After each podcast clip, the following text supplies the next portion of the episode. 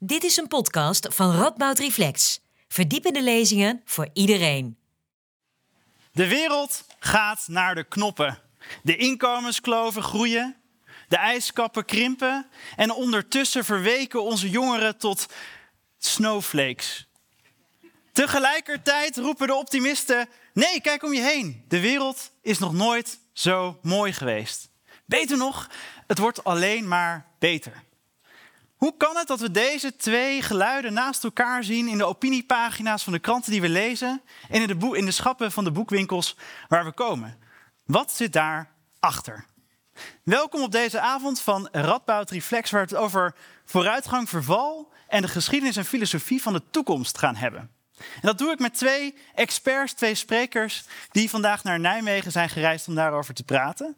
De eerste is Elea de Laporte. Zij is idee-historicus aan de Radboud Universiteit. En ze schreef dit prachtige boek, Verlichte Verhalen, over hoe 18e-eeuwers dachten over de toekomst. En misschien denkt u, waarom gaat het over de 18e eeuw hebben? Wordt straks duidelijk, de sleutel van vooruitgang en vervalsdiscussie ligt misschien wel in die 18e eeuw. Daarna gaan we naar de tweede spreker, Ilko Runia. Hij is historicus, psycholoog en filosoof. En hij is, uh, van hem kan ik geen boek omhoog houden, want hij is er nog druk mee aan het schrijven. En hij geeft ons vanavond een sneak peek in zijn theorie over wat hij noemt de Red Queen History. De rode koninginnengeschiedenis. Ik ben Adriaan Duivenman, ik ben programmamaker van Radboud Reflex en ik modereer deze avond. En voordat we gaan beginnen, moet ik nog iets anders vermelden. Namelijk dat deze avond financieel is mogelijk gemaakt door een subsidie van de stichting Daandels. Een organisatie die allerlei onderzoek naar 18e-eeuwse geschiedenis van Nederland subsidieert. En daarvoor zijn we ze erkentelijk. Elea, geef haar een hartelijk applaus. Hoe kan ik hem doorklikken? Oh, hier.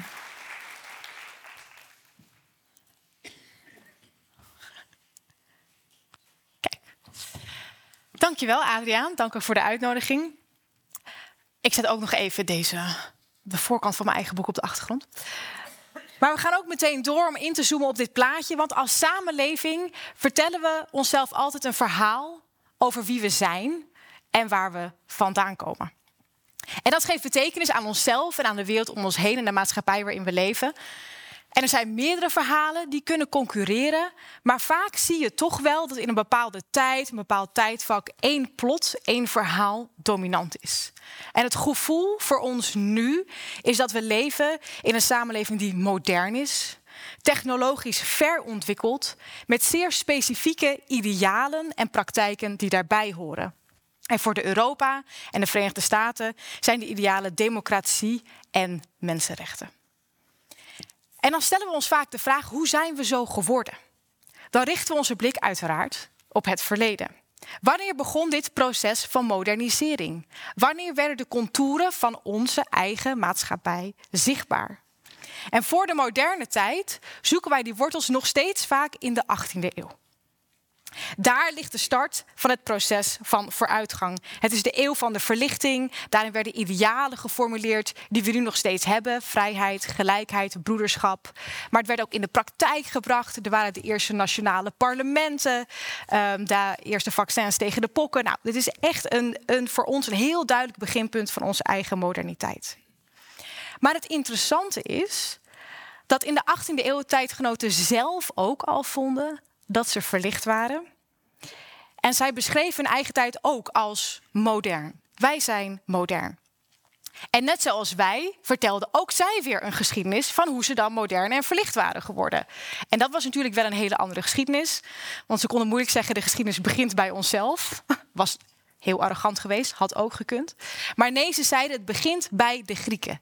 Bij de Grieken en bij de Romeinen, daar was de ontdekking van de ratio. Vervolgens ontwikkelde dat proces van vooruitgang zich voort helaas met de middeleeuwen een beetje een duistere periode, een paar kleine lichtpuntjes. Maar vanaf de renaissance en de wetenschappelijke revolutie, dan zie je dat de menselijke geest zich steeds verder ontwikkelt.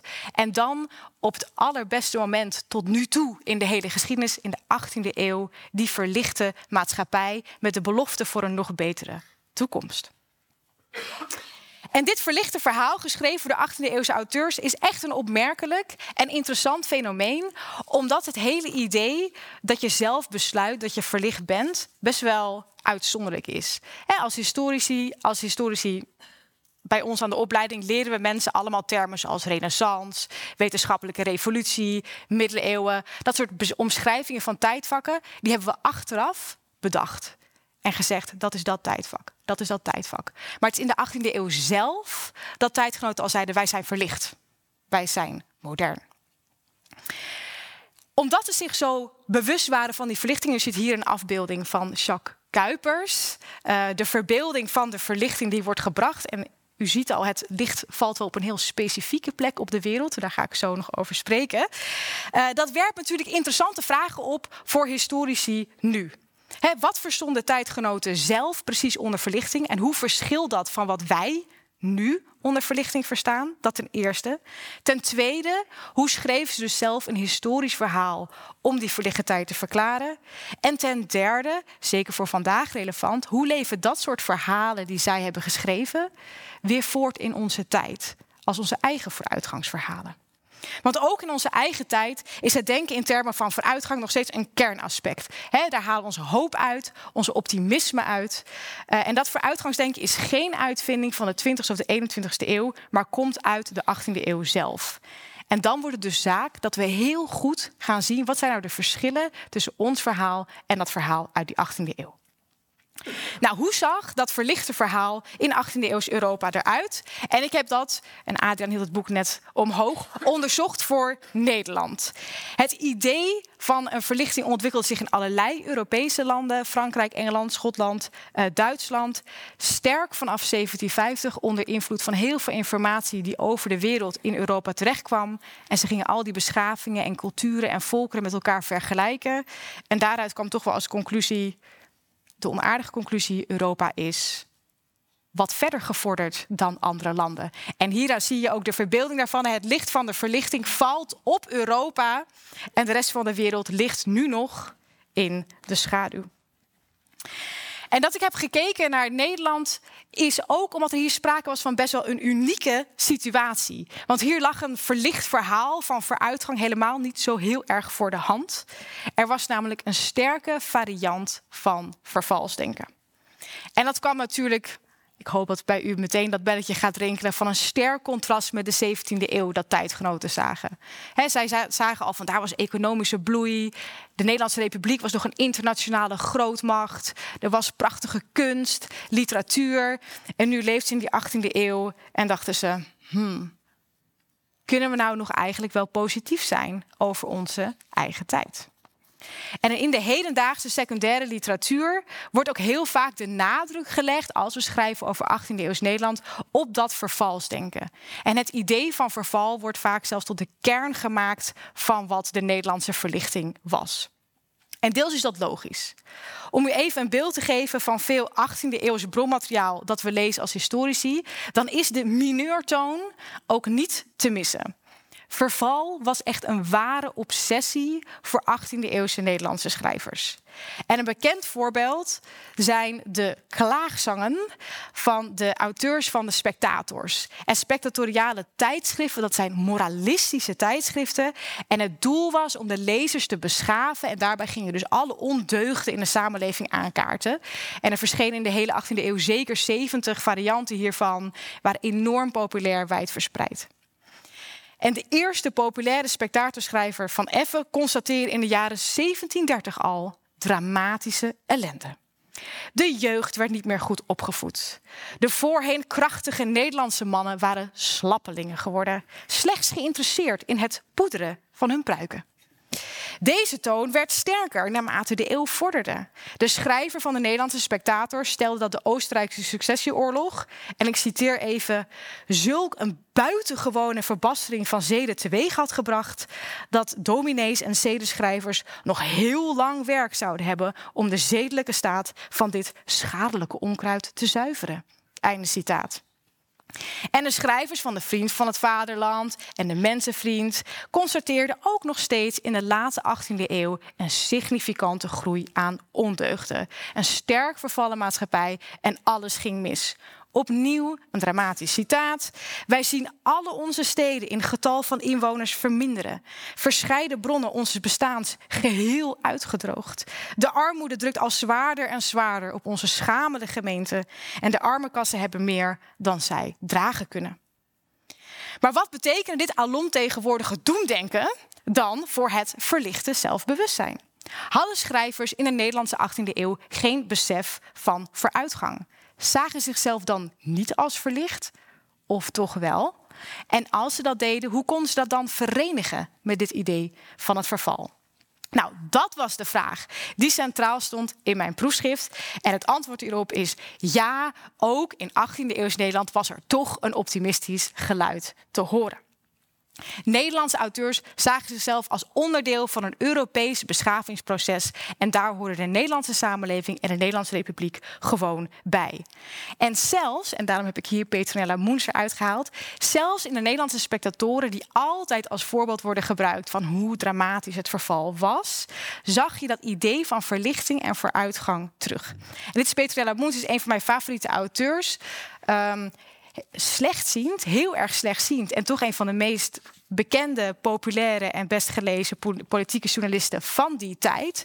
Dus echt tegen de klippen op heeft ze zichzelf daar naartoe gewerkt. En zij schrijft ook zo'n spectator, dit is de vriendin van het Vaderland. Ik ga nu citeren uit een ander, schrijft meerdere van die spectatoriale geschriften. En ook zij, elke keer dat verhaal van verval. Oh, vroeger was alles beter. De oude Griekse republieken hadden ze nog de juiste deugden. Daar wisten ze nog hoe je beschaafd was. Maar we zien ook af en toe een ander beeld. Moens begreep bijvoorbeeld heel goed dat haar boodschap verkondigt over verval. Sommige lezers misschien ook wat zou kunnen verontrusten. van moeten we dan terugkeren dat, naar een leven dat heel ver afstond van wat ze kende, de moderne handelsmaatschappij. En zij stelt die lezers ook gerust. En ze zegt, ik citeer, denk niet, landgenoten, dat wij u het terugkeren tot de eenvoudigheid van onze weinig behoevende voorvaderen, die in een hutten van jacht en visserij leefden, zoeken aan te prijzen. Nou, gelukkig. Je hoeft er niet een dierenhuid aan te trekken, weer te jagen op dieren. Je mocht gewoon in je grachtenpand of in je andere woning in die moderne handelsmaatschappij blijven wonen.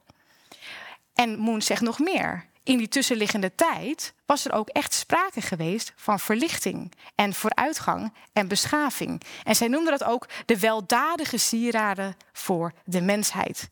En juist omdat er verlichting was geweest, waren de zedenschrijvers in de 18e eeuw beter en konden ze de burgers nog beter beschaven. En dus was eigenlijk in de 18e eeuw alles op een toppunt. En op basis van dit citaat zie je dus dat zo'n verlicht zelfbewustzijn, dat we zien in Frankrijk, Schotland, Engeland, Duitsland, ook in Nederland aanwezig was. Maar het wordt heel vaak verhuld door die sterke nadruk op dat vervalsdenken. En dat optimistische en verlichte vooruitgangsdenken werd juist ingezet, he, gebruikt als middel om vertrouwen te halen uit het feit dat ze dat verval konden keren en die maatschappij konden herstellen. Nou, dat verlichte verhaal had allemaal verschillende varianten in Nederland en in Europa. En hoe ziet dat er nou ongeveer uit? want op die manier kunnen we ook zien, lijkt dat op de verhalen die wij nu nog vertellen, of was het radicaal anders? Nou, allereerst bestond er een verhaal over de vooruitgang van de menselijke geest. Die sluit misschien het meest aan bij het thema Eureka. En hierbij lag de nadruk op de geschiedenis van de vooruitgang in wetenschappelijke kennis. De ontwikkeling van de ratio, de ontwikkeling van de kunsten en de wetenschappen. En voor Nederland was een vaak terugkerend voorbeeld waar ze heel trots op waren de oprichting van de maatschappij tot redding van drenkelingen in 1767. Want dat was natuurlijk de maatschappij ten goede gekomen. Maar binnen dit soort spectatoriale geschriften werd ook heel vaak een lofzang gegeven op de bloei in de kunsten en de wetenschappen in de 18e eeuw. En Moon schreef bijvoorbeeld dat de moderne Nederlander zoveel verder was gevorderd dan zijn barbaarse Bataafse voorvader. Want dat waren echt bloeddorstige soldaten waar het bloed van de altaren droop. Nou, dat was natuurlijk echt ver verwijderd van die moderne en deugdzame Nederlander. Een tweede variant van het vooruitgangsdenken, die u vermoedelijk bekend voorkomt, is de stadialeer. En hierbij onderscheiden Europese denkers een universele ontwikkeling van de maatschappij in vier fasen: jagers-verzamelaars, naar herders, naar boeren, naar handelaren in de moderne maatschappij. Dus de economische inrichting, de manier waarop mensen voorzagen in hun levensonderhoud, bepaalde de graad van bereikte beschaving. En voor Nederlandse auteurs was natuurlijk ook duidelijk dat zij tot het eindstadium behoorden. Want de Nederlandse Republiek was een moderne handelsrepubliek en dus was Nederland vooruit gegaan. En dat was ook een groot voordeel aan zo'n maatschappij, want dankzij die arbeidsdeling was er veel meer rust en ruimte om na te denken. Kon je weer verder de ratio ontwikkelen, ging de maatschappij nog verder vooruit. En op die manier er eigenlijk haast een soort feedback loop in een eindeloos beschavingsproces.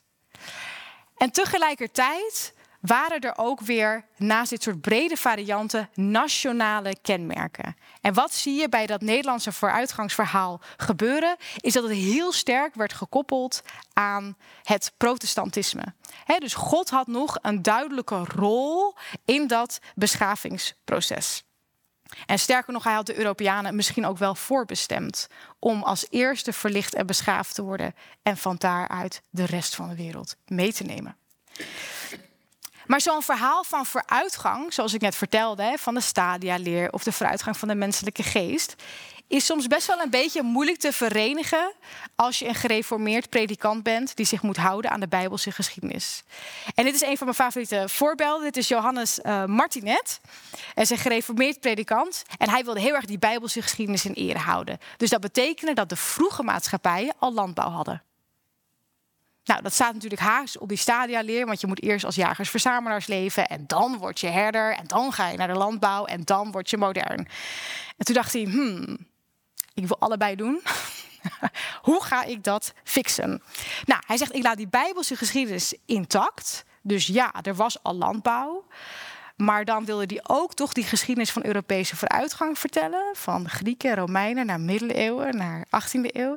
Dus zei ja, en op een gegeven moment was er een groepje Grieken. En die dwaalden af. En toen vergaten ze alles. En daarna werden ze ruw en onbeschaafd. En gingen ze half naakt omhangen met dierenhuiden leven in bossen en holen. Ze waren nog niet eens, deden nog niet eens aan de jacht. Ze aten gewoon wat ze tegenkwamen op de grond. En dan, en deze, het mooie is ook, deze wereldgeschiedenis, u ziet hem hieronder, is geschreven in dialoogvorm. Dus het is echt zo'n gesprek tussen leraar en leerling. En die leerling die zegt dan van, um, beetje raar verhaal dit.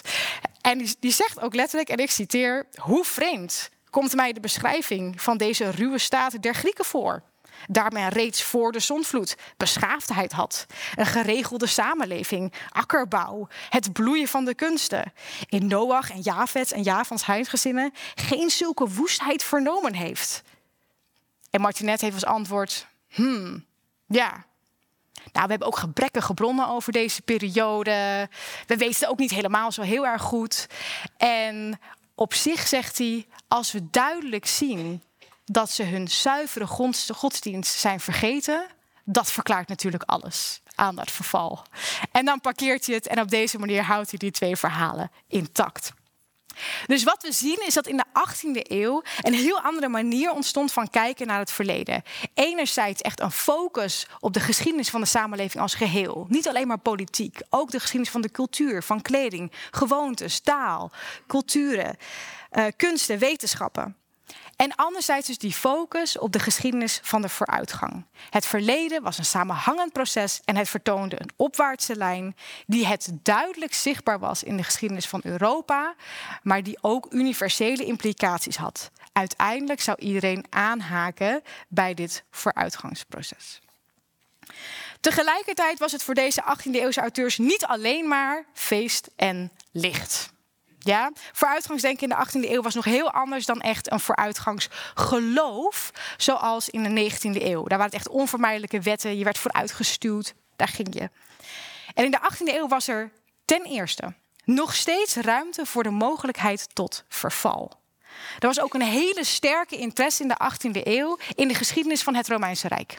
De bekendste auteur is natuurlijk Edward Gibbon, maar heel veel schrijvers in Europese landen hadden het gevoel: oeh, uh, we hebben best wel een groot koloniaal rijk. Lijkt dat niet een beetje op de imperial overstretch, waardoor het Romeinse Rijk ten onder ging. Dus er worden heel veel boeken gepubliceerd over het Romeinse Rijk. Er was dus ook een sterke angst voor verval. Ten tweede waren 18e-eeuwse auteurs zich heel erg bewust dat vooruitgang komt met een prijs. Ja, beschaving, het is niet alleen maar prettig, het is ook nadelig. Je wordt namelijk fysiek zwakker. Uh, je hebt minder goede artistieke expressie. Daarvoor moet je toch iets heel ruws en puurs hebben. Uh, je mist een soort nobele eenvoud in deugden als je in een complexe maatschappij woont.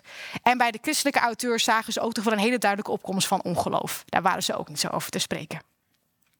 En ten derde, het beschavingsproces was in theorie universeel, maar tegelijkertijd leek niet iedereen te mogen deelnemen aan het proces van vooruitgang. En dit is een punt waarover in de 18e eeuw al discussie bestond. Wie doet eigenlijk mee aan die vooruitgang en wie mag daar aan meedoen? En dan gaat het over wat is de definitie van de verlichting, wat zijn de graadmeters en welke groepen horen daarbij. En hier is het laatste voorbeeld. Uh, dit is een prijsvraag. Nederlandse genootschappen schreven prijsvragen uit om wetenschappelijke kennis te verzamelen en op die manier de maatschappij te hervormen. En dit is een prijsvraag uitgeschreven door tijdens het Tweede Genootschap over rond 1800. Hoe kan het ook? De geschiedenis van de verlichting en hoe verlichting Europa had beschaafd. Uh, en het antwoord hierop was nog best wel lastig voor die auteur, want ze werden het gewoonweg niet eens over wat verlichting nu was. Dus links ziet u het programma. Daarin hebben ze al een heel duidelijke definitie van verlichting. Rechts ziet u de ingezonde verhandeling van een dominee, Jan Brouwer. En het wordt afgekeurd. De genootschapsleden zeggen: dit, dit klopt niet. Hij is veel te veel bezig met kunst en wetenschappen. We willen meer religie. Uh, en ze wijzen het af, geven hem aanwijzingen. Dan moet je een nieuwe versie indienen. Dat accepteren ze, maar dan komt er weer allemaal correspondentie over wat erin moet en wat niet. En uiteindelijk is het pas vijf jaar later, voordat ze eruit zijn, wat nou eigenlijk dan die verlichting is en wat dat inhoudt. Dus er is ook strijd over wat verlichting is. En er is ook strijd over wie er mee mag doen. Maar de kern blijft staan dat in de 18e eeuw Nederland dus een heel duidelijke wereld vol optimisme en verlicht vooruitgangsdenken was naast dat verhaal van verval. verlichting was echt een soort identiteit van tijdgenoten en een essentieel kader in het begrijpen van de eigen tijd, de positie van Europa in de wereld en de staat van de maatschappij. En ook er bestonden wel duidelijk verschillen per auteur, per boek, per land. Er was echt een heel duidelijke gemene deler. En dat is dat plot van het verlichte verhaal. Het verlichte verhaal vertelt waar die Europeanen vandaan kwamen, waarom ze nu waren, waar ze waren. En eigenlijk ook wel een belofte met waar ze naartoe gingen. En dat was een voortdurend proces.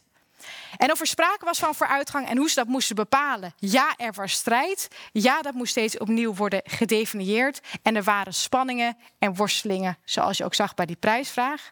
Maar hetzelfde geldt voor onze eigen tijd. Waar vergelijkbare vragen over verval, vooruitgang en vooral vooruitgang voor wie een rol blijven spelen.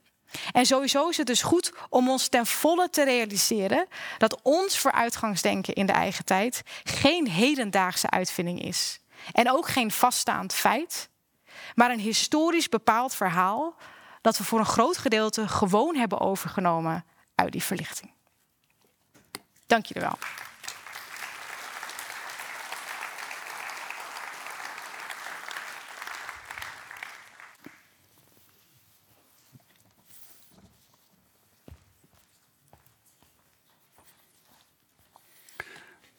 Hartelijk dank, uh, Adriaan, voor de uitnodiging. En fijn om hier eens weer te zijn in Deventer. Wel heel warm trouwens hier. Um, ik weet niet of het hier altijd zo is, maar.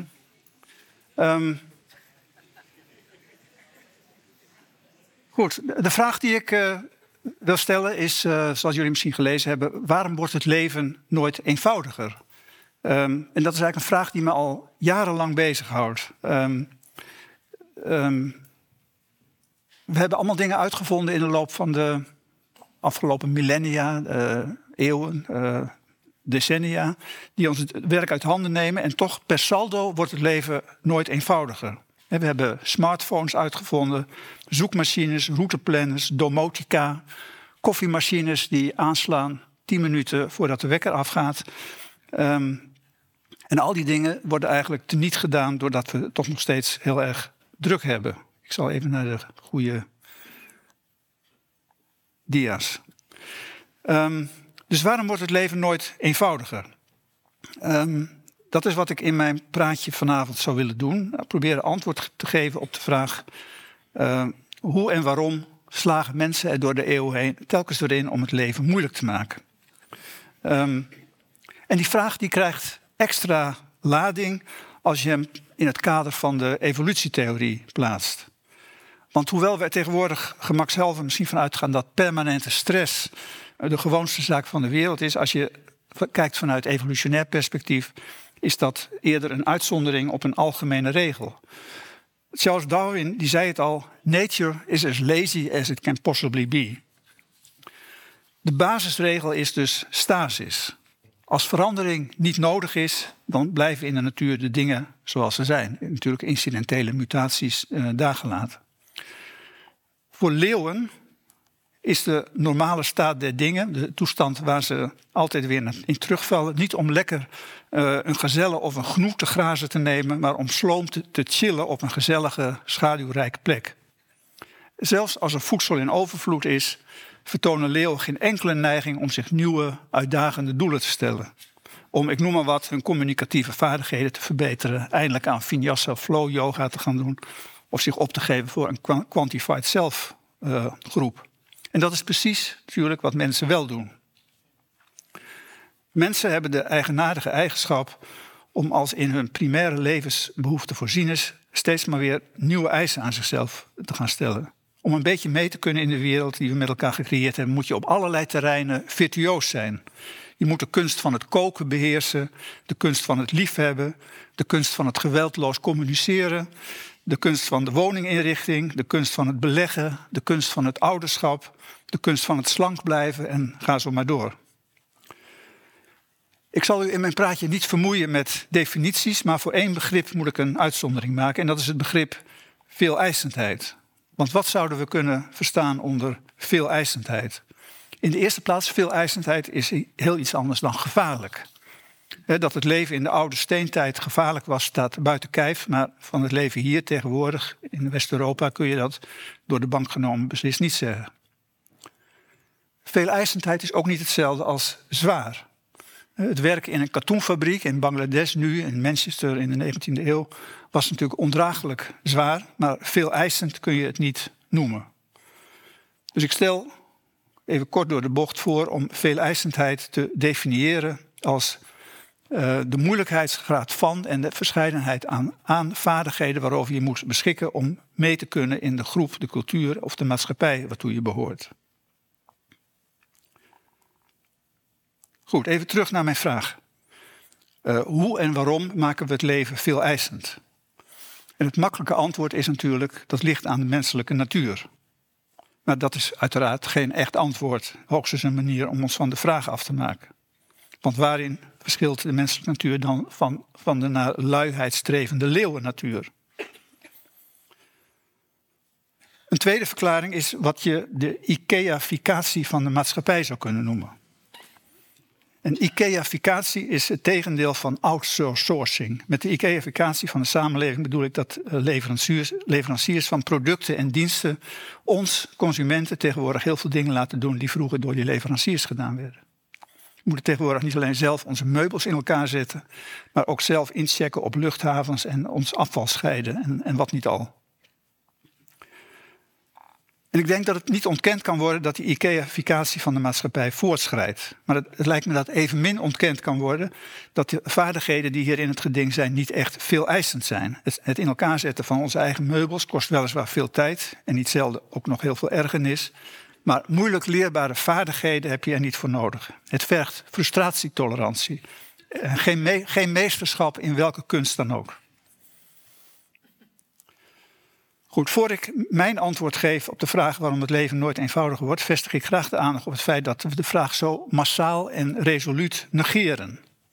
Misschien dat we ervaren dat het leven veel eisend is en, en blijft trouwens, maar we zijn niet geneigd dit als een wezenskenmerk van onze cultuur te zien. Ik vind dat opmerkelijk. Als we nadenken over onze cultuur, hebben we uitsluitend oog voor al het nieuwe dat in de loop der tijd bedacht is. En zoals ook de Week van de Geschiedenis nog eens benadrukt, de, de, de vondsten die het leven beter maken. Zoals glas, papier, de nul, lenzen en al dat soort dingen. Daar zoomen we graag op in. Um, Zelfs sceptici die heel kritisch zijn over die innovaties, die zijn geneigd cultuur te interpreteren in het licht van de materiële en immateriële vruchten van menselijk vernuft. Het heeft er kortom alle schijn van dat grensverleggende ideeën, briljante ontdekkingen en handige uitvindingen zo sexy zijn dat het bijkans onmogelijk is cultuur niet te zien als een verzameling producten van menselijke slimheid. En daarmee wordt het feit dat we, uh, dat we het leven telkens op een of andere manier ook ingewikkeld maken, wordt weggesmokkeld. Goed, de twee aspecten van cultuur. Van de ene kant is de positieve verworvenheden en aan de andere kant de negatieve toenames in veel eisendheid. Die doen wat mij betreft denken aan de uitzichtloze hardloopwedstrijd tussen Alice en de Rode Koningin in Lewis Carroll's Through Looking Glass. En zoals jullie je misschien herinneren, die hardloopwedstrijd. Uh, Alice loopt zo hard als ze kan uh, naast die Rode Koningin en aan het eind van de wedstrijd constateert ze dat ze zich op nog precies dezelfde plaats bevindt als waarvan ze gestart is. En ze vraagt dan aan de Rode Koningin om een verklaring. En de Rode Koningin die zegt dan, het is een van de meest geciteerde zinnen uit Kells boek, boeken. Here you see, it takes all the running you can do to keep, to keep in the same place. Om te begrijpen hoe die rode koningin door de menselijke cultuurgeschiedenis spookt, moeten we eerst kijken naar het fenomeen evolutie. Het principe van evolutie is heel eenvoudig. Dat is in de kern de uitkomst van de wisselwerking tussen twee variabelen. In de eerste, eerste plaats uh, is dat wat biologen de creatie van variatie noemen. En de creatie van variatie is niets anders dan het ontstaan van nieuwe erfelijke eigenschappen. De tweede variabele is uh, in factaal de door de omgeving gecreëerde uh, en uitgeoefende selectiedruk. En selectiedruk dwingt soorten om zich aan te passen um, en rekent af met alle vormen van variatie die niet bijdragen aan het overleven van de soort. En dus het um, rekent af met alles wat geen survival value heeft. Nou, het is niet zo moeilijk om het begrip variatie te transformeren naar de wereld van de cultuur. Het genetische op, op celniveau overerfelijke aspect ontbreekt natuurlijk, maar variatie is ook in de cultuur het creëren van iets nieuws. Het is tot stand komen van materiële en immateriële verworvenheden die niet beschikbaar waren voor eerdere generaties. Dus van koffiemachines die aanslaan, tien minuten voor de wekkers afgaan, tot gereedschappen, digitaal geld, nieuwe wetenschappelijke, filosofische paradigma's, you name it. Heel wat moeilijker is het om het tweede bestanddeel van evolutie, selectiedruk, te vertalen naar de wereld van de cultuur. In de evolutiebiologie heeft selectiedruk de vorm van wat Darwin de hostile forces of nature noemde. En het wordt er als een gegeven beschouwd. Wat logisch is, want in de natuur belichamen de soorten, heel, wat heel handig is natuurlijk, elkaars selectiedruk. Bij de soort Homo sapiens heeft zich echter iets bijzonders voorgedaan. Darwins hostile forces of nature zijn er al heel lang niet selectief meer. Het is een van de meest verbazingwekkende prestaties van onze soort. Wij zijn erin geslaagd, zou je kunnen zeggen, te ontsnappen aan de door de natuur uitgeoefende selectiedruk. En zelfs het COVID-virus, zou je kunnen zeggen, werd in de kortste keren gedomesticeerd. Dus mensen hebben als soort geleerd de, hostile forces of nature te ontwapenen. Ze hebben geleerd dat survival value niet afhankelijk hoeft te zijn van individuele fitness en dat het uitermate rendabel is om in plaats daarvan de omgeving te temmen. Heel mooi natuurlijk, maar het roept wel een cruciale vraag op. Um, en die vraag heeft te maken met het feit dat de theorie stelt dat variatie niet zonder omgevingsdruk kan. Dus als de theorie klopt, en er is geen enkele reden daaraan te twijfelen, dan zou het wegvallen van een van beide bestanddelen van evolutie ervoor gezorgd moeten hebben dat onze evolutie al heel lang geleden tot stilstand was gekomen. En dat is overduidelijk niet het geval. Sterker nog, alles wijst erop dat de evolutie van Homo sapiens de afgelopen millennia, eeuwen, decennia in een stroomversnelling is gekomen. Zozeer zelfs dat de tijd waarin we nu leven door velen terecht de Anthropoceen genoemd wordt. De vraag is dus, hoe kan het dus, hoe kan het dat de mensheid is blijven evolueren in een context waarin van selectiedruk geen sprake was? En de wetenschappers die zich over deze vraag gebogen hebben, zijn het in grote lijnen eens over wat het antwoord op die vraag is.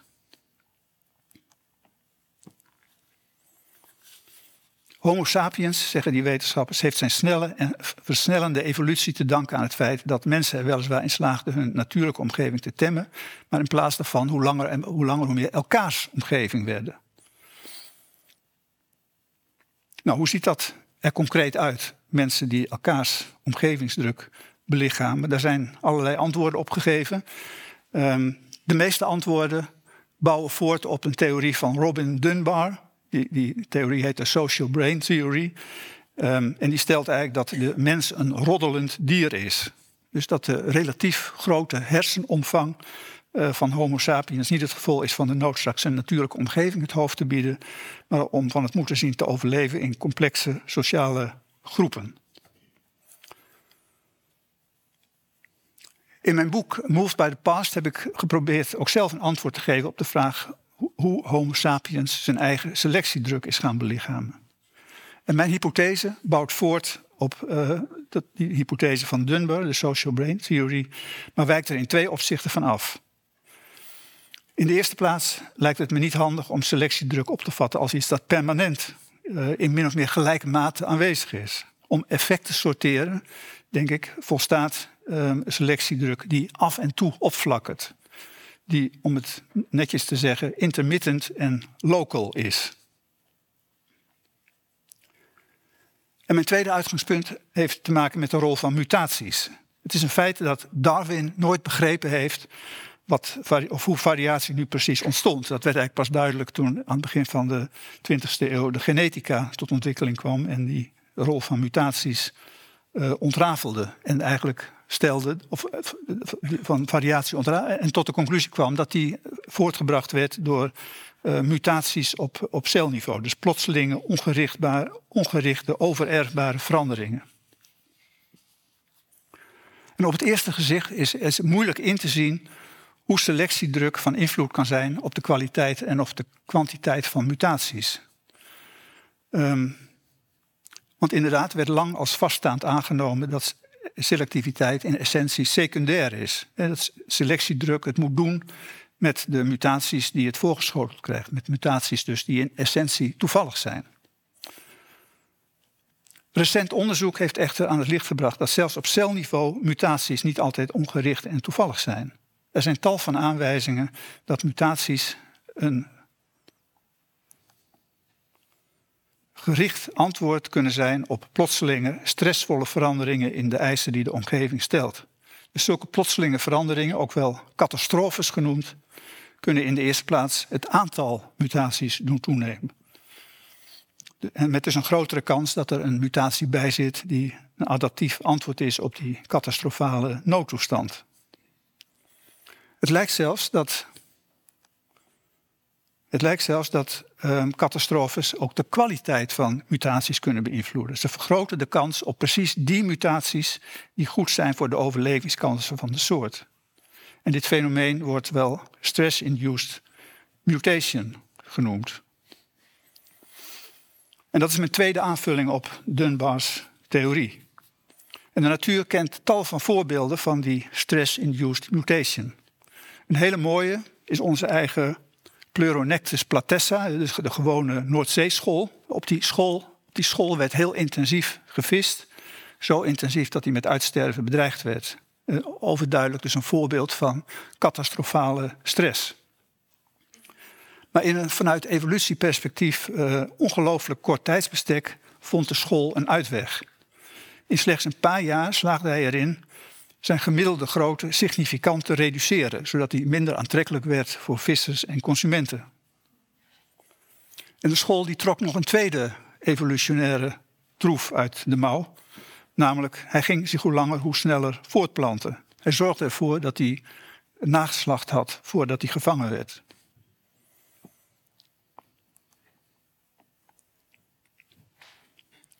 Goed, voor de Noordzeeschool was intensieve visserij kortom een stressvolle noodtoestand die precies die mutaties induceerde die hij nodig had om als soort te overleven.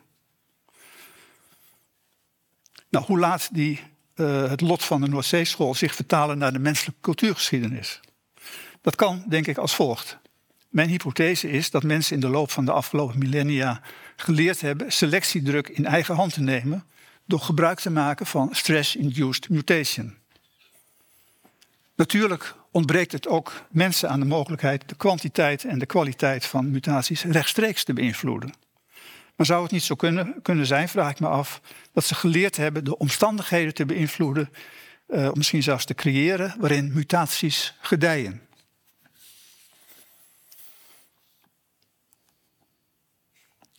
Met andere woorden, waar de Noordzeeschool een externe oorzaak nodig had om in een evolutionaire stroomversnelling terecht te komen, hebben mensen geleerd dat ze niet hoeven af te wachten tot zich een mutatie bevorderende catastrofe voordoet, maar dat ze die over zichzelf kunnen afroepen.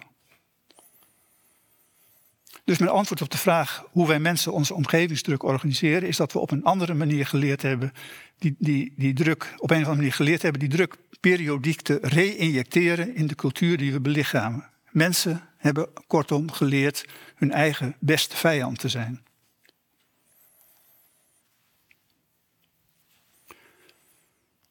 Nou, in mijn boek Moves by the Past um, pas ik deze theorie toe op de geschiedenis. En mijn uitgangspunt daarbij is dat de catastrofale discontinuïteiten waar de geschiedenis zo rijk aan is, um, manifestaties zijn van onze bereidheid en ons vermogen onze eigen beste vijand te zijn. Dus door discontinuïteiten over ons af te roepen, destabiliseren we de status quo en creëren we de omstandigheden waarin mutaties uitermate goed van pas komen, ja zelfs noodzakelijk zijn. Plato zei het al, nood baat list. Necessity is the mother of invention.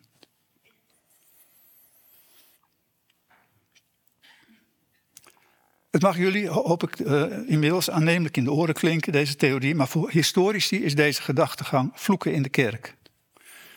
Historici zijn soms best bereid om de principes van de evolutietheorie op de geschiedenis toe te passen. Maar als zij het doen, dan kennen ze keer op keer de rol van mutaties toe aan de in het oog springende historische gebeurtenissen als de Amerikaanse onafhankelijkheidsoorlog, ehm, de Franse Revolutie, de Eerste Wereldoorlog, de val van de Berlijnse muur, het verdrag van Maastricht, de Brexit of de verkiezing van Trump. In mijn theorie zijn al deze gebeurtenissen echter niet mutaties, maar de catastrofes die aanzetten tot mutaties. Om bij een van de simpele voorbeelden te blijven, de introductie van de euro tijdens het verdrag van Maastricht is vanuit mijn perspectief niet een mutatie, maar een catastrofe. Waarbij jullie wel moeten bedenken dat catastrofe in dit verband niet een soort waardeoordeel is, um, maar een technische term voor een gebeurtenis die hoeveelheden stress produceert die niet binnen het in zwang zijnde systeem kunnen worden opgevangen. De introductie van de euro creëerde een, genereerde een hoeveelheid stress tot, uit, tot uiting bijvoorbeeld in de Griekse schuldencrisis, die um, de Europese gemeenschap dwong tot op dat moment ondenkbare structurele veranderingen. En dat zijn in mijn opinie deze veranderingen die de mutaties vormen. Niet de sexy gebeurtenissen die we zo uh, gretig van het bijvoeglijk naamwoord historisch voorzien. Wat me bij het tweede contra-intuïtieve aspect van mijn hypothese brengt. Het, het soort stress, um, of eh, mijn theorie moet ik zeggen, um, situeert stress niet voor, maar na historische gebeurtenissen. Ook dit is tegen het zere been van historici. Historici plegen historische gebeurtenissen te verklaren door ze in verband te brengen met de spanningen die aan die gebeurtenis voorafgingen. De Franse Revolutie werd veroorzaakt door oplopende spanningen in het laat 18e eeuwse Frankrijk, heet het dan. Ik denk dat het precies omgekeerd is.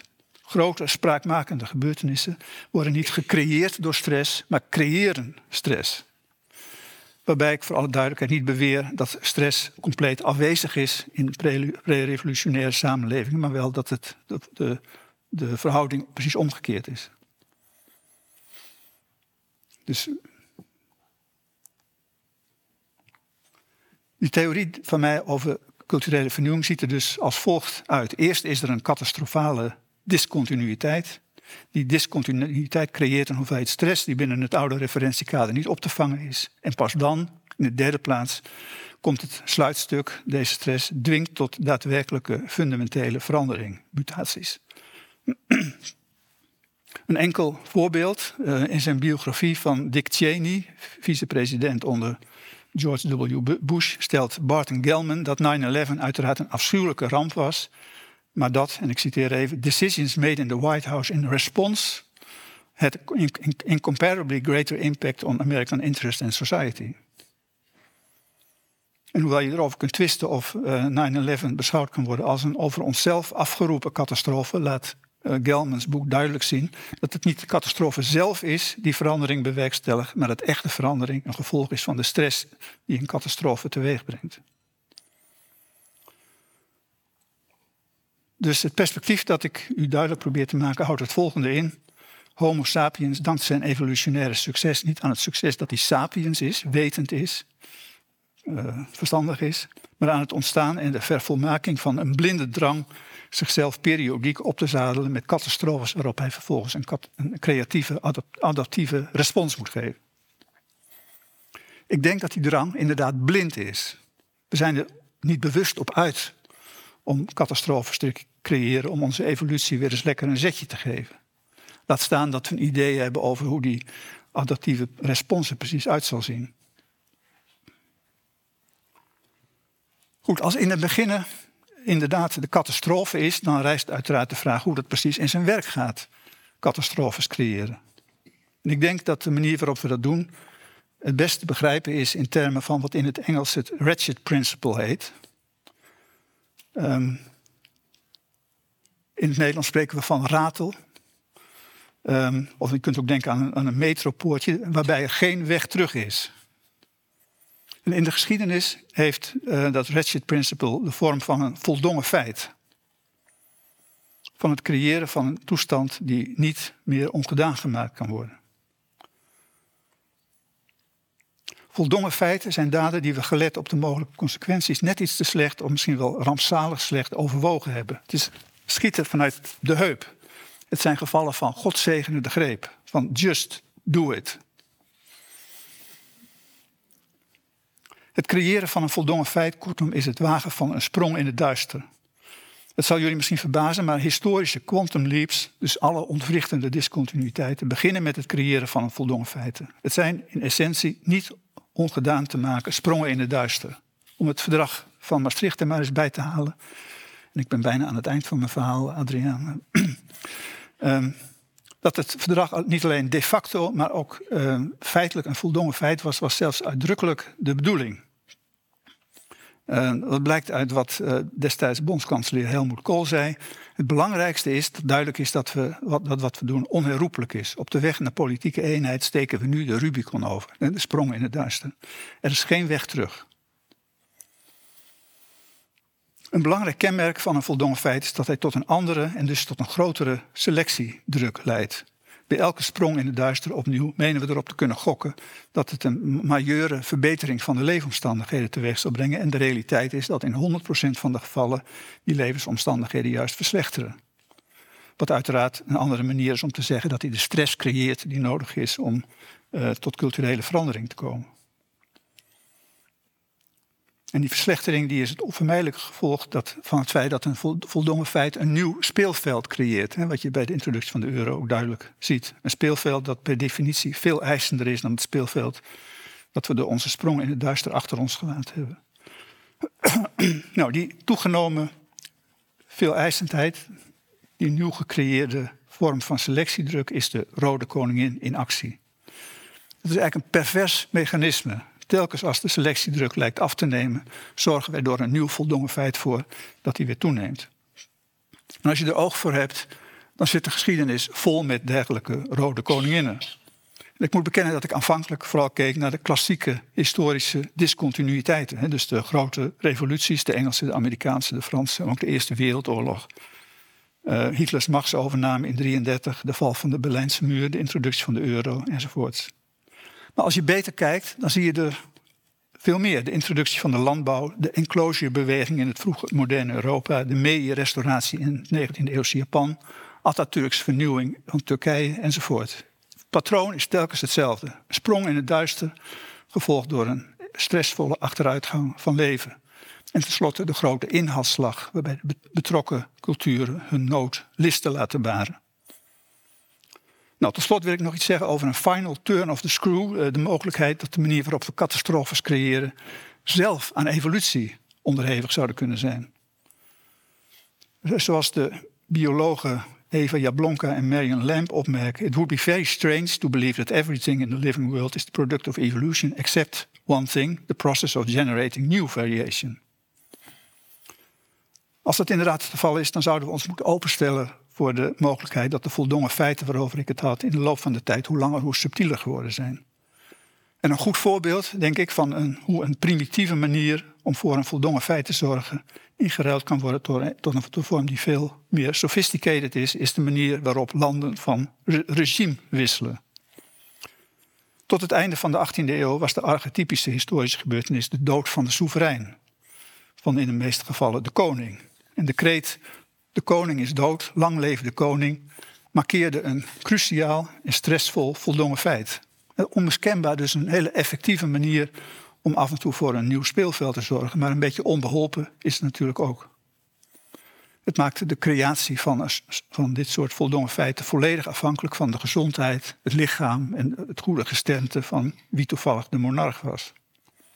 Nou, de introductie van volkssoevereiniteit in de Amerikaanse en Franse revolutie verving dit primitieve mechanisme door een heel wat slimmer systeem. Landen die overgingen op volkssoevereiniteit hanteerden een veel ordelijker, een veel gereguleerdere manier om eh, zichzelf eens in de zoveel tijd eh, van de voldongen feiten te voorzien die ze nodig hadden om verandering te bewerkstelligen. Een manier trouwens ook die, die, die dat is in geheel in lijn met het Red Queen Principle, ook veel eisender is. De dood van de monarch hoef je als burger alleen maar te ondergaan. Door om te stemmen moet je je laten informeren, naar het stemhokje gaan en een keuze maken. En als verkiezingen inderdaad een elegante manier zijn om af en toe voor een nieuw voldongen feit te zorgen, dan heeft dat een aantal moeilijk te verteren consequenties. Een daarvan is dat het er dan niet meer echt toe doet wat er in de verkiezingen inhoudelijk op het spel staat. Maar helaas, Pieter, vanuit evolutionair perspectief is content-free politics alles wat we nodig hebben. Vanuit evolutionair perspectief is democratie niet een, niet een manier om tussen politieke programma's te kiezen, maar een vernuftig mechanisme om maatschappijen periodiek met de voldongen feiten op te zadelen die ze nodig hebben om te evolueren. Nou, of ik een doemdenker of een optimist ben, dat weet ik eigenlijk niet, maar dit lijkt me voldoende stof tot discussie. Hartelijk dank.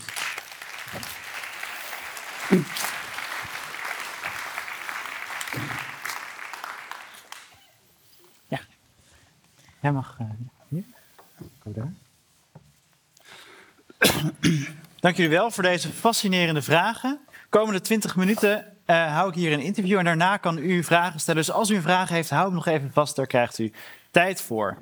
Ehm, net werd al even het thema van de maand van de geschiedenis, dat is nu in oktober aangestipt, Eureka. Ehm, het gaat over innovaties, over de toekomst. En ik ga met een beetje suffe startvraag beginnen misschien. Ehm, wat is het stukje technische vooruitgang waar jullie niet zonder kunnen? Begin ik bij Elea. Elea. Je hebt mijn laptop. Ik weet niet. Ik kan, niet. ik kan me niet voorstellen dat ik gewoon niet snel alle slechte ideeën die je opschrijft, meteen weer eventjes kan deleten en dan weer door. Dus eigenlijk wat je zou, de delete-knop zou je niet willen missen. Precies. Oké. Dat je op die manier makkelijk kan herschrijven. Nou, voor de mensen die de ehm, typo in de aankondiging op het scherm hebben gezien, wij wilden ook heel graag dat daar een delete-knop was. Ehm, Ilko, wat, wat, is, wat kan jij niet missen? Wat is de techno- technische innovatie die je Ehm, niet zonder kan? Een een buitengewoon moeilijke vraag. Het eerste wat bij me opkomt, maar dat heeft misschien te maken met het feit dat ik dat net een tijd gedaan heb, is goede, eh, waterdichte, eh, met- maar toch ademende regenkleding. Kun je je nu niet voorstellen Ja. met dit weer. Dus jij Dus, eh, eh, bent dankbaar voor Gore-Tex. tech- Technisch vernuft inderdaad, ja, dat vind ik echt indrukwekkend. Ehm, dan naar dat, dat thema van dus de maand van de geschiedenis. Ik denk misschien, waar gaat het heen? Maar het gaat ergens heen. Eh, het thema van de maand van de geschiedenis is Eureka. En ik heb even wat van de website van de maand van de geschiedenis gehaald. Korte quote. Innovaties van alle tijden. Daarom brengen we deze oktobermaand een ode aan de makers van de vooruitgang. De architecten van de wereld van morgen. Ilko. Zijn uitvindingen, afgezien van Gore-Tex, altijd vooruitgang? Nou ja, zoals ik in mijn verhaal heb geprobeerd te laten zien, is, is het, zit daar een heel pervers mechanisme in. Wat je natuurlijk bij, bij e-mails bijvoorbeeld on- ontzettend ziet. Een ongelooflijke vergemakkelijking van de manier van communiceren. Maar, maar het Red Queen Principle in optima forma, namelijk we voelen ons nu gedwongen zoveel te communiceren dat het ons helemaal boven het hoofd stijgt. En dus, dus wat is vooruitgang? Hè? Het feit dat iets makkelijker is, of, de, of de, de, uiteindelijk de, perverse consequenties die het heeft. Namelijk dat je tot over je oren in de communicatie zit. En ik denk dat mensen het publiek het zullen herkennen van WhatsApp en, en e-mail. Ehm, dus uiteindelijk, een technologie werkt zichzelf altijd tegen het doel wat hij uiteindelijk wilde bereiken. Nou, ik denk dat, dat, dat technologie, en en ik denk dat het een beetje zonde is om ons te beperken tot technologie, want er zijn natuurlijk een heleboel dingen. Ik, technologie en technologische vernieuwing is in mijn terminologie dus een catastrofe. Dus in die technische betekenis van het woord.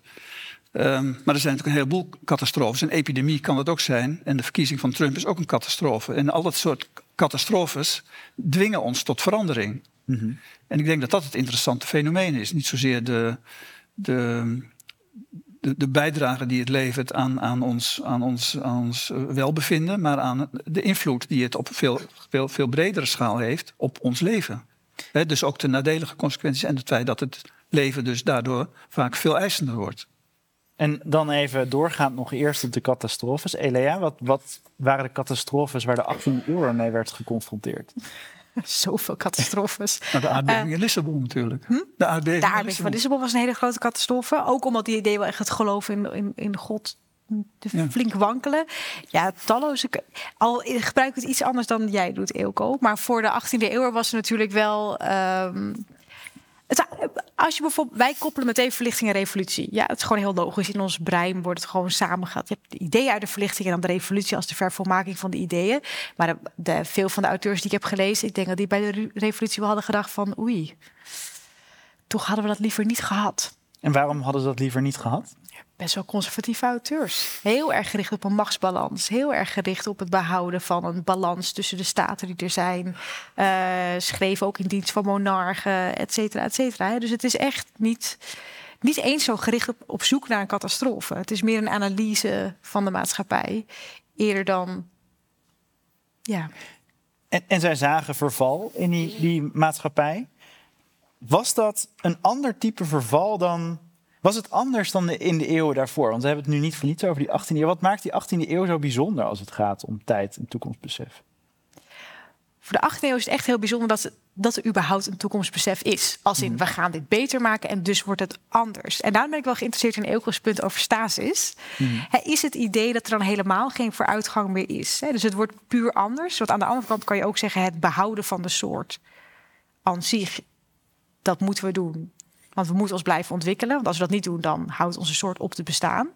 Dus is dat dan, zouden we dat dan toch vooruitgang als vooruitgang mogen bestempelen? Nee, ik, ik denk dat, dat, je, dat, je, dat, dat je twee dingen uit elkaar moet houden. Want ik denk ook in de 18e eeuw was er geloof in vooruitgang. Natuurlijk een sterk geloof in vooruitgang. Maar dat, dat was altijd het soort vooruitgang wat, wat zeg maar voortvloeide uit de, de, de toestand zoals die al bestond. Die ook van daaruit te voorzien was. Dus een, een, een, zeg maar een soort lineaire stijging. Ehm, terwijl de, de, de echte vooruitgang, de, quantum leaps, dat zijn natuurlijk discontinuïteiten geweest. De Franse Revolutie is daar natuurlijk het meest spectaculaire, of een van de meest spectaculaire voorbeelden van. Ehm, en dat, dat gaat typisch om, om fenomenen die, waar men een sprong in het duister waagde. Het is altijd, vind ik altijd heel opvallend dat, dat we denken dat die Franse revolutionairen dat die wisten waar ze begonnen. Maar dat was natuurlijk helemaal niet zo. Pas tijdens de eet op de kaatsbaan, hè, toen de revolutie al in volle gang was, gingen ze eens nadenken over de vraag: van wat willen we nu eigenlijk? Dus, dus de sprong in het duister was al gewaagd, was al, was al ingezet, was al niet meer te herroepen. En pas toen gingen ze zich afvragen, wat, ja, wat willen we nou eigenlijk? Toen gingen ze terugkijken naar Rousseau en zo. En die zei, volgens soevereiniteit, nou, misschien willen we dat wel. Ik toen was dat de revolutie al even, begonnen. eh, Want het, misschien er is één opmerking die je heel kort maakt. En ik denk dat die misschien over het publiek heen is gevlogen. De, daarvoor hadden ze geen toekomst. Ja. Had de middeleeuwen geen toekomst? Wat bedoel je daar precies mee? Was er een toekomst? Nou, laten we allereerst zeggen, in principe was het vaak zo. Dat de toekomst, wat was de toekomst voor tijd, wat bijvoorbeeld in de klassieke oudheid, dat was het verleden. Het verleden voorspelde eigenlijk al de toekomst. Een soort cyclisch besef van, oké, staten komen op, ze gaan ten onder. Uh, hoe gaan we, kunnen we vooruit? Nou, nee, we zitten nu in een proces van verval. We herkennen het. Nou, dan gaat dit rijk ten onder en dan komt er weer een nieuw rijk. Maar ze hadden niet het gevoel van, dit een ontwikkeling in. We gaan ergens naartoe. En bij de middeleeuwen krijg je wel dat lineaire denken, maar daar is de toekomst gewoon het einde der tijden. Dus, dus weet dan komt de Messias terug en, ja. En daarvoor heb je alleen maar cirkeltjes. Eigenlijk wel. Dus het was altijd hetzelfde en dan patsboom opeens anders. Nog geen quantum leaps, komen we zo meteen op. We komen er echt.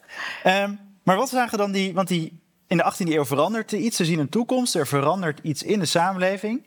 Is het besef van die 18e eeuwse auteurs. Maar wat drijft dan die verandering volgens hem, hen? Het verschilt per auteur. Het verschilt echt per auteur. Maar ik zou zeggen, dat vind, dat vind ik het interessante eraan, overigens. Als je het hebt over die stadia-leer, wat drijft de vooruitgang? Zeggen ze niet. Laat zich niet over uit. Heel frustrerend voor mij als onderzoeker. Ik denk, waarom gaat zo'n maatschappij vooruit? Ze zeggen het niet. Ze zien het gewoon veranderen. En er is nog steeds wel veel ruimte in de 18e eeuw voor agency. Dus dat betekent dat mensen of individuen of groepen in de maatschappij kunnen kiezen om iets te doen. Maar dat is wel een bewuste keus. Mhm. dus echt mensen die eh, een heerser die een beslissing neemt of een groep die besluit om in opstand te komen. En ze hadden ook wel op zich wel ook een concept van menselijke natuur. De mens wordt gedreven door een soort passies, uh, op zoek naar zelfvervulling en dat drijft ook de mens voort. Dus enerzijds een stadia leer waarbij plotsklaps ja. van, van jager-verzamelaar naar herder gaan. Tegelijkertijd ook het besef dat je de geschiedenis wel kan maken of de toekomst. Ja, want dat is een, een iets wat ik uit jouw uh, boek heb gehaald, gehaald, Move by the Past. Je hebt het al genoemd. Je hebt het erover committing history. Geschiedenis maken. Ik denk dat plegen. dat... Uh, plegen. Plegen. Geschiedenis plegen. Wat betekent met, met de connotatie van misdaad. Geschiedenis plegen. En, en wat, wat, wat betekent dat dan, geschiedenis plegen? Uh, geschiedenis plegen, daarmee bedoel ik het, het, het nou wat, ik, wat ik nu net ook verteld heb, het, het uh, wagen van sprongen in het duister, waarbij je dus eigenlijk niet goed de plussen en de minnen op een rij hebt. Het is ook onmogelijk om die op een rij te krijgen, maar desalniettemin doen. Ik heb altijd heel interessant gevonden uh, de, de, de, de, psychologische, uh, het psychologische onderzoek wat laat zien dat mensen heel precies kunnen bekijken wat de plussen en de minnen van een beslissing zijn, zodra het om, zolang het om kleine dingen gaat. He, ze kunnen dus in een mhm. supermarkt aarzelen van wat zal ik nou merk A of merk B nemen.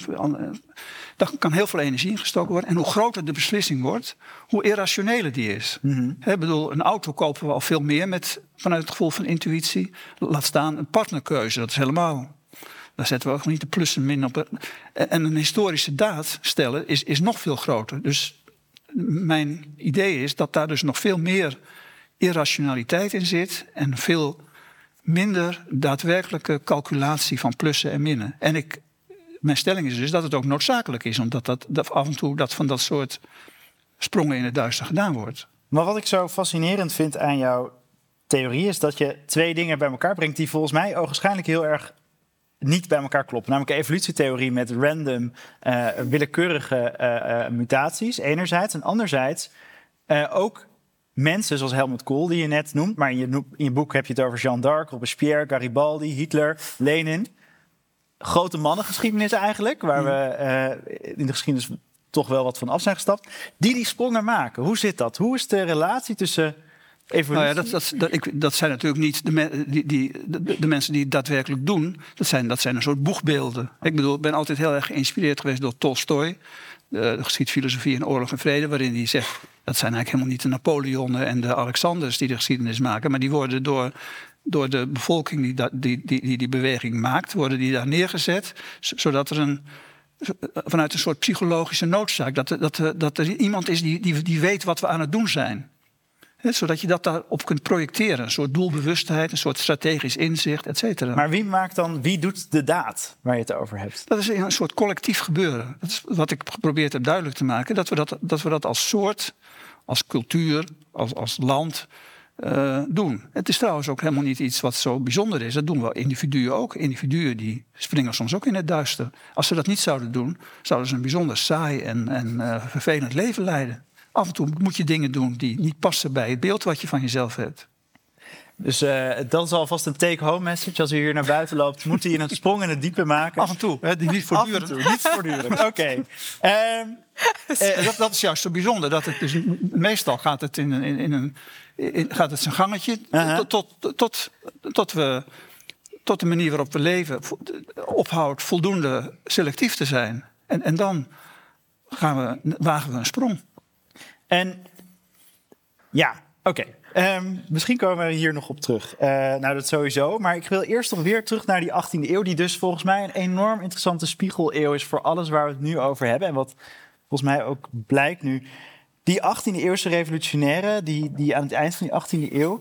Eh, Ilko, zij zegt, ze doen maar wat en daarna moesten ze het met Rousseau legitimeren. Is dat ook in Nederland zo bij die Bataafse revolutie? Ik vind het wel een bouwde stelling ook. Het hangt er, het, ik, ik, weet niet, ik vind, het is natuurlijk altijd heel moeilijk te traceren. Ik bedoel, je kunt nooit, als je, je wil iets weten als historicus achteraf, wat je niet altijd kan vinden in de tijd zelf. Maar natuurlijk zijn die ideeën wel al in ontwikkeling. Ik ben het eens met jouw opvatting dat ze weten niet precies wat ze doen. Aan de andere kant, die Nederlandse revolutie zijn natuurlijk na de Franse revolutie. En dan zijn ze heel erg gaan denken van, hmm, zullen we de terreur achterwege laten? Hm. Ja, laten we dat doen. Hè, dus dan krijg je natuurlijk een heel ander perspectief op de keuzes die je kan maken. Kun je al meer plussen en minnen zien. En heeft het hier ook een heel ander karakter. Dus in het Nederlandse geval waarschijnlijk dus toch wel wat meer een toekomstbeeld hadden ze voor zich van hoe het eruit moest zien. Ja, en het is ook natuurlijk een mindere ze waren al een republiek. Ik bedoel, in mhm. Frankrijk heb je natuurlijk ook zo die symbolische daad van het onthoofden van Lodewijk de 16e. Je breekt veel meer met een specifiek verleden. Maar ja, nou, ik zou zeggen, in, in, in Nederland is de, is de Franse tijd niet, niet in die zin een discontinuïteit geweest dat we die zelf gecreëerd hebben. Natuurlijk, we zijn door, door Frankrijk ingelijfd en dat had allerlei gevolgen. Maar, maar ehm, je zou kunnen zeggen dat de Nederlandse discontinuïteit eerder in 1848 lag, met, met, met grondwet. Dat was iets wat dat was de daar catastrofe. Ben ik het, ja, daar ben ik natuurlijk absoluut niet mee eens. Dus 18e eeuw. Want in 1798 hebben we natuurlijk. Nee ik, ben, nee, ik ben het daar echt niet mee eens. Ook omdat hm. dat verhaal over dat de Fransen het hier allemaal hebben gedaan en de Nederlanders niks deden. Dat is echt. Nee, dat, is, dat zeg ik ook niet. Ik, het gaat erom. Er zijn natuurlijk altijd veranderingen en ontwikkelingen. Um, maar er zijn sommige veranderingen die zijn quantum leaps. Dat zijn, eh, dat zijn de discontinuïteiten. Dat zijn, dat zijn dus de gebeurtenissen die eigenlijk niet te voorzien zijn vanuit het perspectief van, van waaruit ze voortkomen. Ehm, en, en ik denk dat dat een aparte categorie historische gebeurtenissen is en dat het eigenlijk niet aangaat om geschiedenis helemaal in de continuïteitssfeer te brengen. Dat is ook wat ik met mijn studenten altijd probeerde te leren. Dat geschiedenis, uh, geschiedschrijvers, die zijn in de business of dissonance reduction. Die, zijn bezig om... Dissonantiereductie. reductie, ja, dissonantie. Dus die zijn bezig, ik, leg het even uit, om, om, om die discontinuïteit, om daarvan post hoc te zeggen, achteraf dus te zeggen. Nee, eigenlijk waren ze toch wel logisch. Toen de Berlijnse muur gevallen was, wat voor elk weldenkend mens als een verrassing kwam... Toen gingen historici aan het werk om te laten zien waarom dat eigenlijk volkomen logisch was dat die Berlijnse muur viel. Als we nou dan zo'n hekel hebben aan dissonanties, waarom creëren ze dan toch?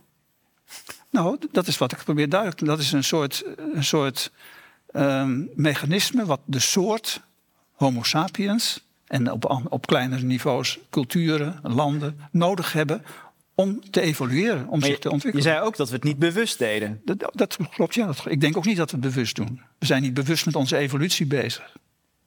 Maar dat is nog wel een punt. Volgens mij hoorde ik dat ook geroezemoes in de zaal. Je zei, we zijn als soort nog nooit zo snel geëvalueerd als de afgelopen millennia. Maar Utsi, eh, toen we die eh, uit het ijs halen, was dat toch volgens mij fysiek dezelfde persoon. Dat is niet de evolutie waar je het over hebt, hè? Het gaat over culturele evolutie. Het gaat over culturele evolutie. Dus als je het zegt, de mens evolueert nog nooit zo snel, wat voor een type evolutie hebben we het dan? Precies? Dan heb ik het, over, culturele evolutie, waarbij cultuur hmm. natuurlijk wel heel breed is. Hè. Dat, dat laat de Week van de Geschiedenis ook heel goed zien. Dat gaat, geldt van het fenomeen dat, dat op een gegeven moment het cijfer nul werd geïntroduceerd.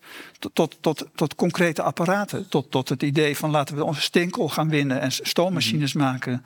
Tot, tot de drukpers. Dus cultuur is heel erg breed. Hè. Er vallen ook eh, eh, eh, filosofische paradigma's onder. Eh, er vallen politieke systemen onder. Eh, dat is, vind ik allemaal cultuur. Dan hebben we het niet over genetisch niveau, mhm. dat is een heel ander verhaal, maar over cultuur. Genetisch staan we al heel lang stil, maar qua cultuur maken we werkelijk een spectaculaire ontwikkeling door. Ehm, we gaan, voor, voor dit evolutionaire proces hebben we competitie nodig, of in ieder geval selectiedruk. Competitie bruggetje, was er ook in de 18e eeuw. Uh, ik, wat ik interessant vond uit, jou, uit jouw boek is dat uh, de schrijvers per ander perspectief aannemen naar aan de hand van de schaal. Hoe, hoe werkte dat precies? Zoals naar Europa kregen als een ander beeld dan bij Nederland.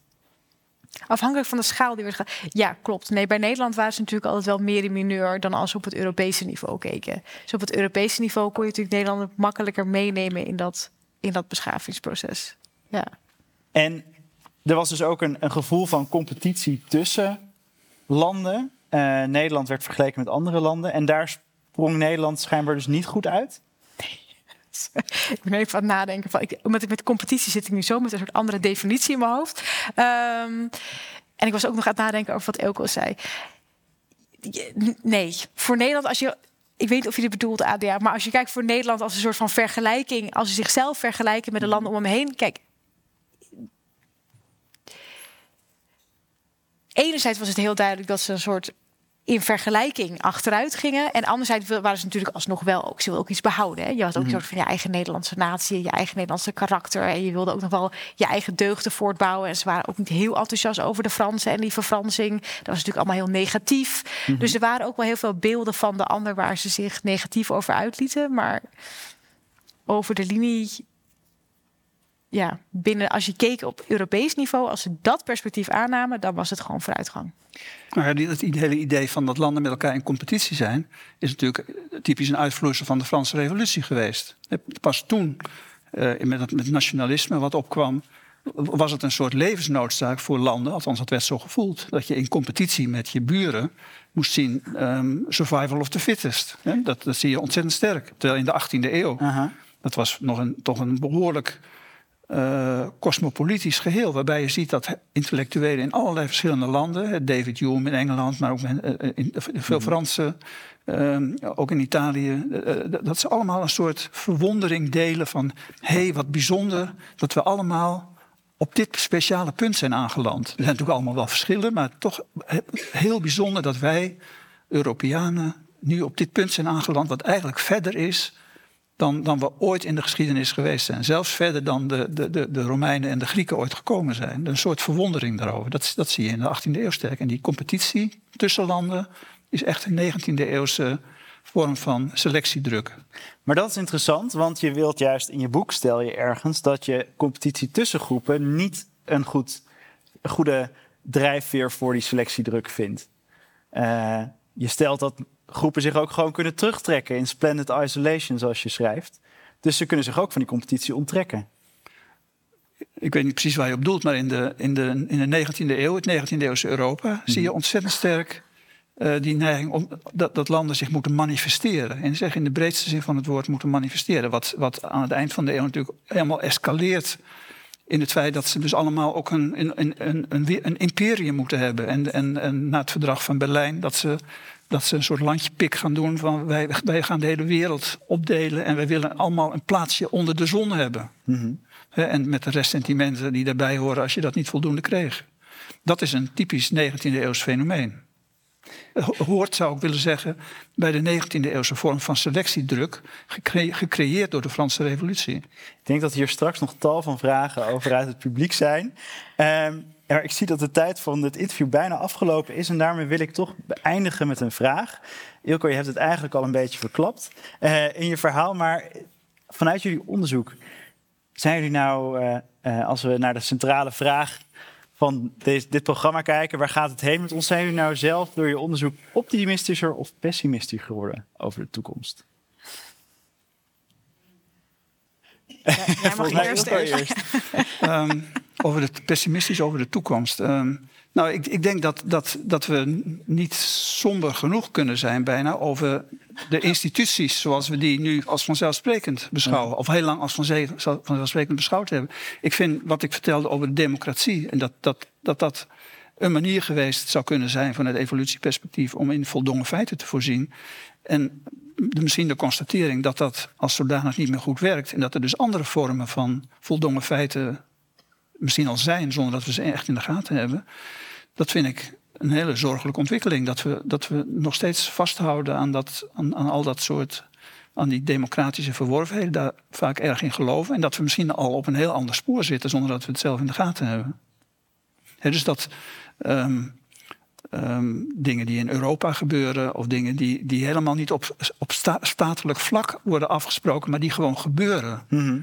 Ehm, dat die veel bepalender zijn voor, wat, van hoe, voor hoe we leven en van welke kant we uitgaan dan al die dingen waar we menen beslissingen over te kunnen nemen. Op, op, op, in parlementen bijvoorbeeld. Dus je zou willen dat we meer grip hebben op de toekomst. Ik weet niet of ik dat zou willen. Ehm, ehm, ik, ik denk, dat is ook een beetje de teneur van mijn verhaal, dat, je, dat het onmogelijk is, een illusie is, om, om echt grip op de toekomst te, te, te hebben. Dat je moet constateren dat een soort afwisseling tussen, tussen zo'n zo, zo, zo, zo, stasis en dan weer een sprong in het duister, dat die inherent is aan hoe mensen met elkaar samenleven. Ik, eh, als mijn eerstejaars geschiedenisstudenten een essay schreven... dit was een periode van grote verandering... zette ik altijd een grote dikke rode streep doorheen... want elke periode was dat. Maar als ik jouw verhaal hoor, moet ik het toch nu gaan goedkeur- goedkeuren. Er zijn periodes van grote verandering. Ehm, ja, dat denk ik zeker. En zitten we daar nu in? Ehm, dat vind ik moeilijk te beantwoorden. Kijk, het, het probleem is dat je altijd vanuit een soort verouderd perspectief kijkt. Ik ben, ik, bedoel, ik ben natuurlijk geneigd om vanuit het perspectief van grote oorlogen te kijken. Dus dat, dan kon- constateer je dat we de Tweede Wereldoorlog gehad hebben, dat die al een hele tijd achter ons ligt. Ehm, ehm, maar dat we nu misschien in een andere catastrofe beland zijn die ik, die ik niet eens in beeld heb. Oké. Elea, je hebt al die 18 eerste klaagzangen Ik, eh, eh, gelezen ja. voordat we naar het publiek gaan. Eh, wat, heb jij iets optimistischere boodschap? Ben jij optimistischer geworden? Nee, nee, nee. Dus ik zweef, ik, ik, ik zweef als persoon. Ik vond het op zich wel fijn, want ik zweef als een Nederlander eigenlijk altijd een beetje zo tussen. Van nature ben ik nogal pessimistisch. Maar ik hou wel van dat maakbaarheidsgevoel. Van ik zeg, we gaan dit doen. We gaan Aha. dit doen. Eh, maar door mijn onderzoek heb ik zelf wel heel erg. Als ik nadenk. Zeker nu ik het boek af heb en geschreven. denk ik echt van ja, zo'n vooruitgangsverhaal is eigenlijk ook echt maar zo'n ik ga het gewoon zeggen, een beetje echt zo'n arrogant, zelfverzonnen construct. waar, waar, waar, waar altijd universele pretenties aan zitten, maar nooit duidelijke criteria zijn. Wat eigenlijk ook wordt gebruikt als een mechanisme om andere groepen uit te sluiten. Het, het verhult heel veel eh, s- strijd. En ik merk dat ik dat, dat ik nu wel denk van ja, het is wel zo'n eigenlijk zo'n glad gestreken narratief. En daardoor ben ik eigenlijk nog cynischer geworden over, over vooruitgang. Ik wil u hartelijk danken voor uw komst. Eh, de boeken van Elia de Laporte liggen hier buiten. Als u die wilt aanschaffen, kan dat. We zitten zo meteen in de bar. Dus als u nog een handtekening of iets wil, dan kan dat ook nog. Eh, mocht u wat willen. En ik wens u een hele fijne avond. Nog een hartelijk applaus voor de spreker van vanavond.